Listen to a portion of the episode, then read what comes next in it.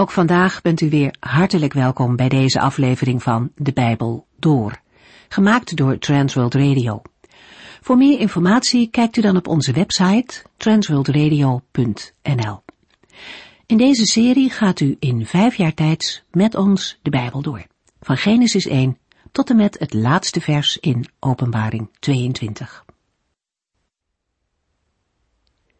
Vandaag lezen we een gedeelte uit Daniel, hoofdstuk 2, wat begint met koning Nebukadnessar, die een vreselijke nachtmerrie krijgt. Het is de eerste confrontatie van deze wereldheerser met de God van Israël. God spreekt op verschillende manieren tot deze man. En het begint met een droom. Nebukadnessar had liggen piekeren over de toekomst, hoe het verder zou gaan met zijn machtige rijk. En als hij dan in slaap valt, krijgt hij antwoord van de Allerhoogste God, die vanuit de hemel regeert. Het probleem is echter dat Nebukadnessar wel in de gaten heeft dat de droom een betekenis heeft, maar dat hij niet weet welke. Daarom laat hij meteen alle geleerden, bezweerders, tovenaars en astrologen bij zich roepen om zijn droom te vertellen en uit te leggen. Op die manier wil hij voorkomen dat ze hem maar wat wijs maken. In de loop van het gesprek met de wijzen dat volgt, geven zij toe dat het niet in hun vermogen ligt om dit te doen, dat alleen de goden dit zouden kunnen doen. Daniels tijd verschilt niet zoveel van onze tijd. Wat zoeken veel mensen hun heil in astrologie en occulte zaken, terwijl ze voorbij gaan aan de levende God? Uit de Bijbel leren we dat dat een heilloze weg is.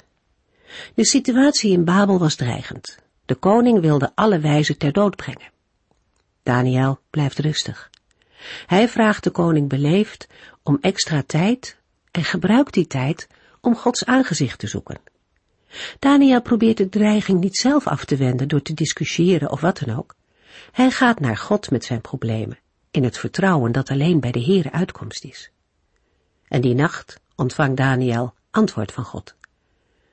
Het eerste wat hij doet, is niet naar Nebukadnezar rennen, maar op zijn knieën God bedanken. Hij geeft alle eer aan de enige ware God, ook als hij zometeen voor de wereldheerser van zijn tijd staat. Dat lezen we vandaag in Daniel 2. De vorige uitzending sloten we af met de woorden uit Daniel 2, vers 19 tot en met 23. Die nacht vertelde God aan Daniel het geheim. En Daniel loofde de God van de hemel en zei, geprezen zij God van eeuwigheid tot eeuwigheid. Want hij bezit alle wijsheid en kracht. Alle wereldgebeurtenissen liggen in zijn hand. Hij zet koningen af en stelt nieuwe koningen aan.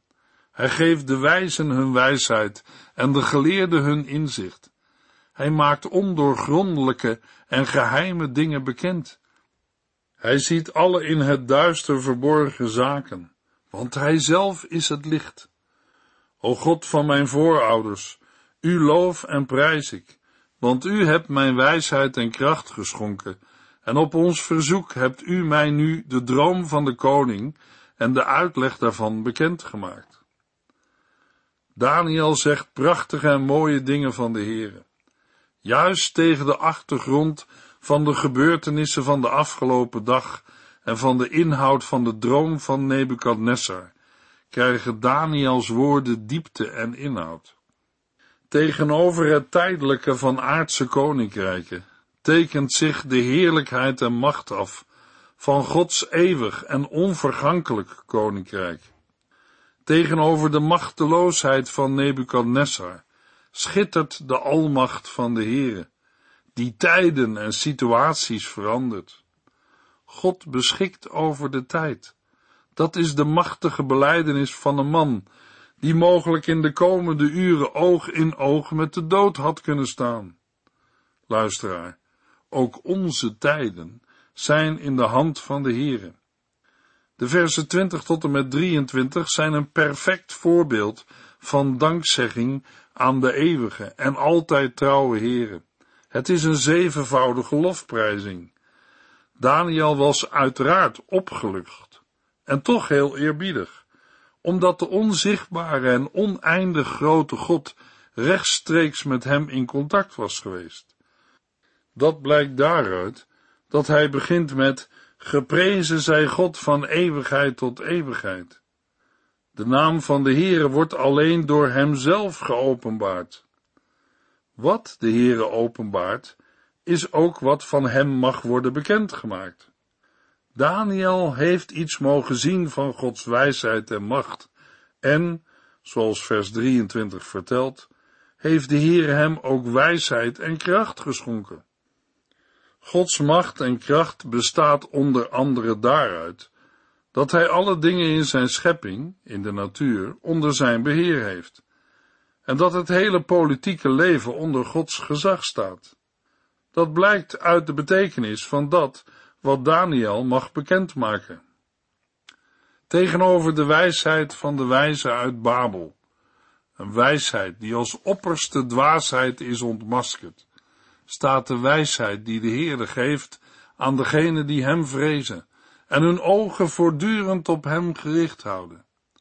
In wezen is er maar één wijze en dat is de Heere, de Oppermachtige.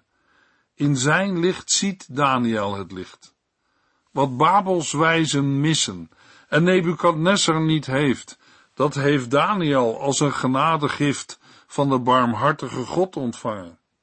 Hem is wijsheid gegeven om de droom te vertellen en kracht om te zeggen wat hij zeggen moet. En dat laatste heeft Daniel net zo hard nodig. Want Nebukadnessar wil wel graag antwoord hebben op zijn brandende vraag. Maar het antwoord dat Daniel moet geven is geen boodschap waar de koning blij mee zal zijn. Ook Daniel heeft kracht nodig om trouw te zijn in zijn profetische roeping. Daniel 2 vers 24 en 25 Daarna ging Daniel naar Arjoch, die van de koning de opdracht had gekregen de wijze van Babel ter dood te brengen. Daniel zei, stel de wijze niet terecht, breng mij bij de koning, dan zal ik hem de uitleg van zijn droom geven. In allerijl bracht Arjoch hem naar de vorst en zei, majesteit, ik heb een krijgsgevangene uit Juda gevonden die u de uitleg kan geven. Tegenover de houding van Daniel steekt de houding van Arjoch wel heel schril af. Daniel geeft alle eer aan de Heere. Arjoch probeert zelf met de eer te gaan strijken, eer die hem helemaal niet toekomt, want terwijl hij Daniel betitelt als een krijgsgevangene uit Juda, met andere woorden iemand waar je eigenlijk geen rekening mee hoeft te houden, want hij is toch maar een krijgsgevangene, doet hij zelf voorkomen alsof hij Daniel heeft ontdekt. Maar Nebukadnessar heeft hem blijkbaar door, want hij keurt hem geen woord waardig en richt zich direct en rechtstreeks tot Daniel. Daniel 2 vers 26 tot en met 28 De koning richtte zich tot Daniel, ook wel Beltesazar genoemd, en zei, is dat waar? Kunt u mij werkelijk vertellen wat ik heb gedroomd en wat dat betekent? Daniel antwoordde, geen enkele wijze of bezweerder, geleerde of waarzegger kan u een dergelijk geheim vertellen. Maar er is een God in de hemel die geheimen openbaart. Hij heeft u, koning Nebukadnessar, in uw droom bekendgemaakt wat in de toekomst zal gebeuren.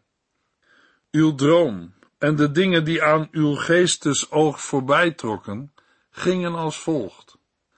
Eigenlijk vraagt de koning aan Daniel, kunt u wat geen mens kan? Het antwoord van Daniel is bijzonder en laat zien wat een gelovig mens kan leren tijdens een gebed in de binnenkamer. Daniels woorden zijn ook een persoonlijke geloofsbelijdenis. Uit alles blijkt dat hetgeen hij kan en mag vertellen, het bewijs is dat het alles Gods werk is, want daarin gaat het altijd om de eer en grootheid van de Heere. Daniel geeft als antwoord op de vraag, kunt u mij werkelijk vertellen wat ik heb gedroomd en wat dat betekent? Niet ik, maar de Heere kan het. Daniel zegt, er is een God in de hemel die geheimen openbaart. Luisteraar, dat is het geheim van Daniel. Dat maakt het verschil met de koning en de andere wijzen. Dat houdt Daniels hoofd omhoog op het moment dat anderen hun hoofd laten hangen en bijna letterlijk hun hoofd verliezen. En wij? Vertrouwen wij zo op de Heere? En wat is onze beleidenis, ons getuigenis naar de mensen om ons heen?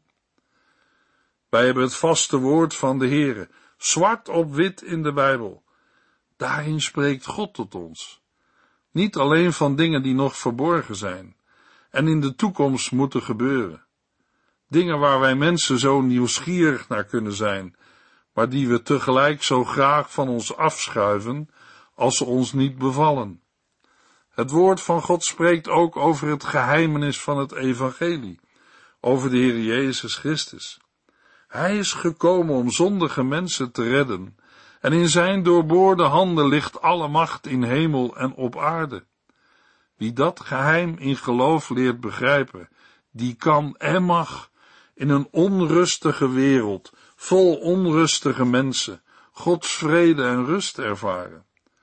Als we dan wakker liggen en zorgen ons uit de slaap houden, mogen wij met de dichter van Psalm 42 vers 6 zeggen, Waarom ben ik toch zo onrustig en neergeslagen? Ik moet alles alleen van God verwachten. Ik zal hem zeker weer lofprijzen, mijn bevrijder en mijn God. Dat is ook de kracht van Daniel. Nadat Daniel in vers 28 de koning op de Here heeft gewezen, gaat hij verder. Daniel 2, vers 28 tot en met 30. Uw droom en de dingen die aan uw geestesoog voorbij trokken, gingen als volgt. Terwijl u op bed lag, dacht u na over toekomstige gebeurtenissen. Hij die geheimen openbaart, heeft u laten weten wat er te gebeuren staat. Ik ben niet door bovenmenselijke wijsheid achter het geheim van uw droom gekomen, maar alleen omdat God het mij heeft laten zien. Ik moest u de uitleg van uw droom geven en u zo duidelijk maken wat u dwars zit. In de vorige uitzending hebben we gelezen dat Nebukadnessar, de machtige heerser van het Babylonische wereldrijk, in de zesde eeuw voor Christus een vreselijke nachtmerrie kreeg.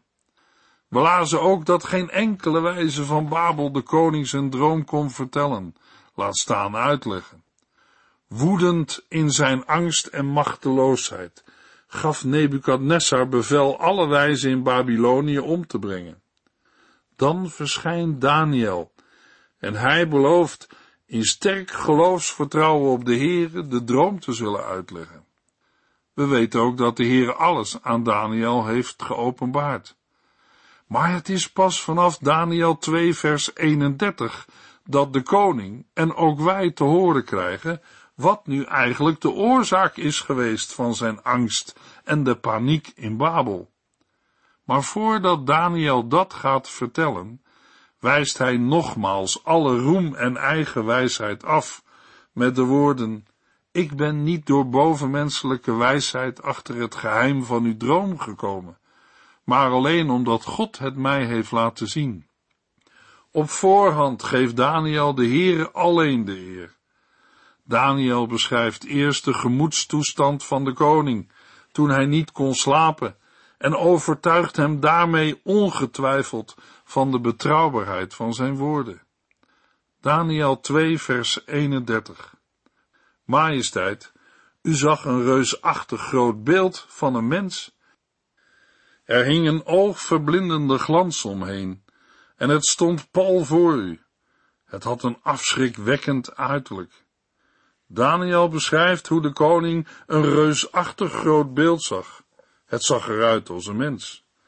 Het beeld had een oogverblindende glans en tegelijk een afschrikwekkend uiterlijk. Het was imponerend en huiveringwekkend. Het beeld was wonderlijk samengesteld. Het hoofd van goud, borst en armen van zilver, de buik en dijen waren van koper, de benen van ijzer en de voeten van een mengsel van ijzer en klei. Dit laatste onderdeel, de voeten, worden in vers 41 en 42 nog weer verder onderscheiden in voeten en tenen van een mengsel van ijzer en pottenbakkersklei. We lezen het nog een keer in Daniel 2, vers 32 en 33. Het hoofd van het beeld was gemaakt van het zuiverste goud. Zijn borst en armen waren van zilver. Zijn buik en dijen waren van koper. Zijn benen van ijzer en zijn voeten waren van een mengsel van ijzer en klei. Laten we nu eerst het beeld eens beter gaan bekijken. Daarbij worden we natuurlijk geweldig geholpen door de uitleg die Daniel van de Heere zelf heeft ontvangen. Dat betekent niet dat de uitleg daardoor gemakkelijk is geworden. Onder de Bijbeluitleggers zelf zijn er door de eeuwen heen heel veel verschillende verklaringen te beste gegeven. Het gemakkelijkst is de verklaring van het gouden hoofd. Daarvan zegt Daniel tegen Nebukadnesser in vers 38: U bent dat gouden hoofd. In beeldende Oosterse taal tekent Daniel de heerlijkheid van Nebukadnessars macht. En ik denk dat de koning instemmend zal hebben geknikt. In Daniel 3 zullen we dat bevestigd zien, omdat koning Nebukadnessar nogal onder de indruk is van zijn eigen grootheid. Maar uit alles wat Daniel hem vertelt wordt duidelijk dat Nebukadnessar zijn macht niet aan zichzelf te danken heeft, maar enkel alleen aan de God van Daniel. Het beeld dat de Heere Nebukadnessar heeft laten zien, spreekt een taal die de koning van Babel begrijpt. Het is het beeld van de uiterlijke pracht en praal van zijn koninkrijk. In een land waar de afgoden werden vereerd in het aanbidden en offeren bij de afbeeldingen die van hen werden gemaakt, en waar astrologen, sterrenkijkers en uitleggers van voortekenen heel gewoon waren, gebruikte de Heere een reusachtig groot beeld van een mens. Een beeld met een hoofd, een borst met armen, een buik en dijen, als ook benen, voeten en tenen. Babylon was bekend als een centrum van heidense godsdiensten, de moederschoot van heidense goden. In het beeld laat de Heere zien dat wereldmachten komen en gaan, en Hij alleen alle dingen bestuurt en leidt. De Heere laat in het reusachtige grote beeld de heidense wereldmachten zien die heersen en gaan heersen. Maar ze worden allen door de Heere gevormd en gebruikt om zijn plannen te volvoeren. Het zal koning Nebukadnessar verbaasd hebben toen hij uit de mond van de jonge gevangenen zijn eigen droom te horen kreeg. Maar nog verbazer zal hij over de uitleg zijn geweest.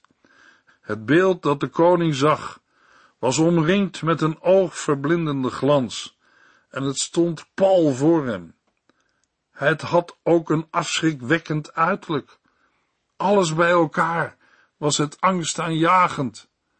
Met oogverblindende gloed stond het als een zeer grote reus voor de koning. De boodschap is niet alleen voor Nebukadnessar. De Heere gebruikt een kolossaal beeld van een mens om te zeggen wat er in de toekomst te gebeuren staat. Het zijn feiten die sinds de regering van Nebukadnessar horen bij de tijden van de heidenen. Daarin leven we nog steeds en deze tijden van de heidenen zullen pas voorbij zijn als de profetie uit Lucas 1 zal zijn vervuld. In Lucas 1 vers 31 tot en met 33 zegt de engel van de Heere tegen Maria, U zult zwanger worden en een zoon krijgen, die u de naam Jezus moet geven. Hij zal een groot man zijn en zoon van de Allerhoogste worden genoemd. God de Heere zal hem de troon van zijn voorvader David geven.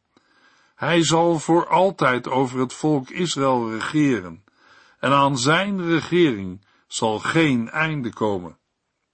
We lazen in vers 32, het hoofd van het beeld was gemaakt van het zuiverste goud, zijn borst en armen waren van zilver.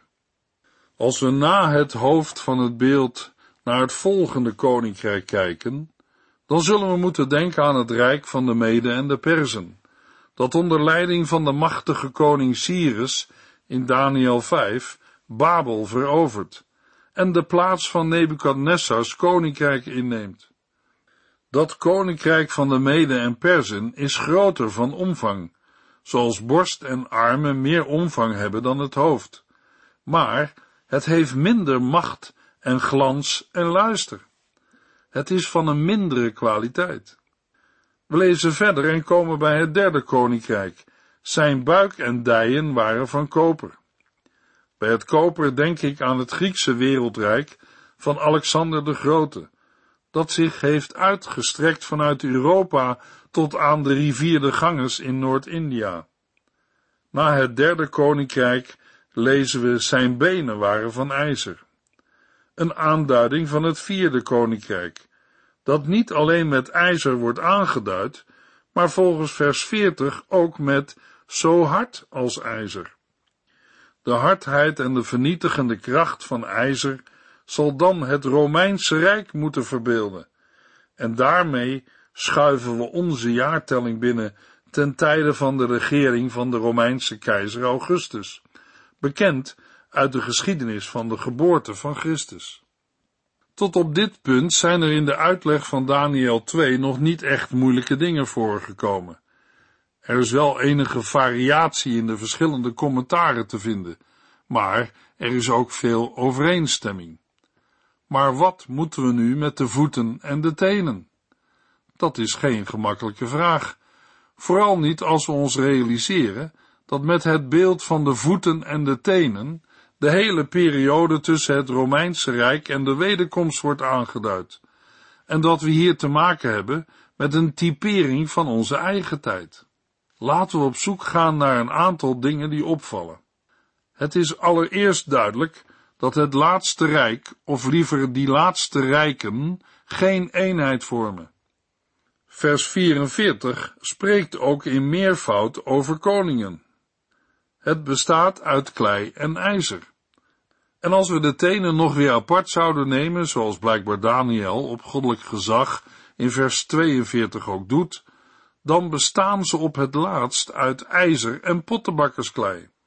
Maar hoe dan ook, die twee grondstoffen laten zich nooit tot een eenheid smeden. Dat blijft onsamenhangend.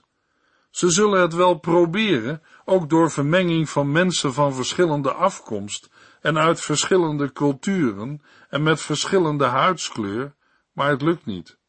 Er blijft verschil.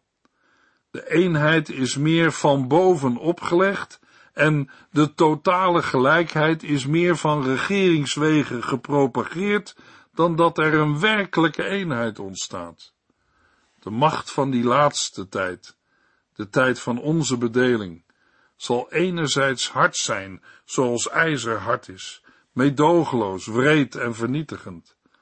Anderzijds zal ze broos zijn als klei, dat weinig weerstand heeft en gemakkelijk afbrokkelt. Kortom, hard en week tegelijk. Het betekent een wankel fundament als het werkelijk gaat stormen. En wanneer stormt het nu niet in onze wereld? Als we nu het beeld in zijn geheel eens bekijken, dan vallen er een aantal dingen op.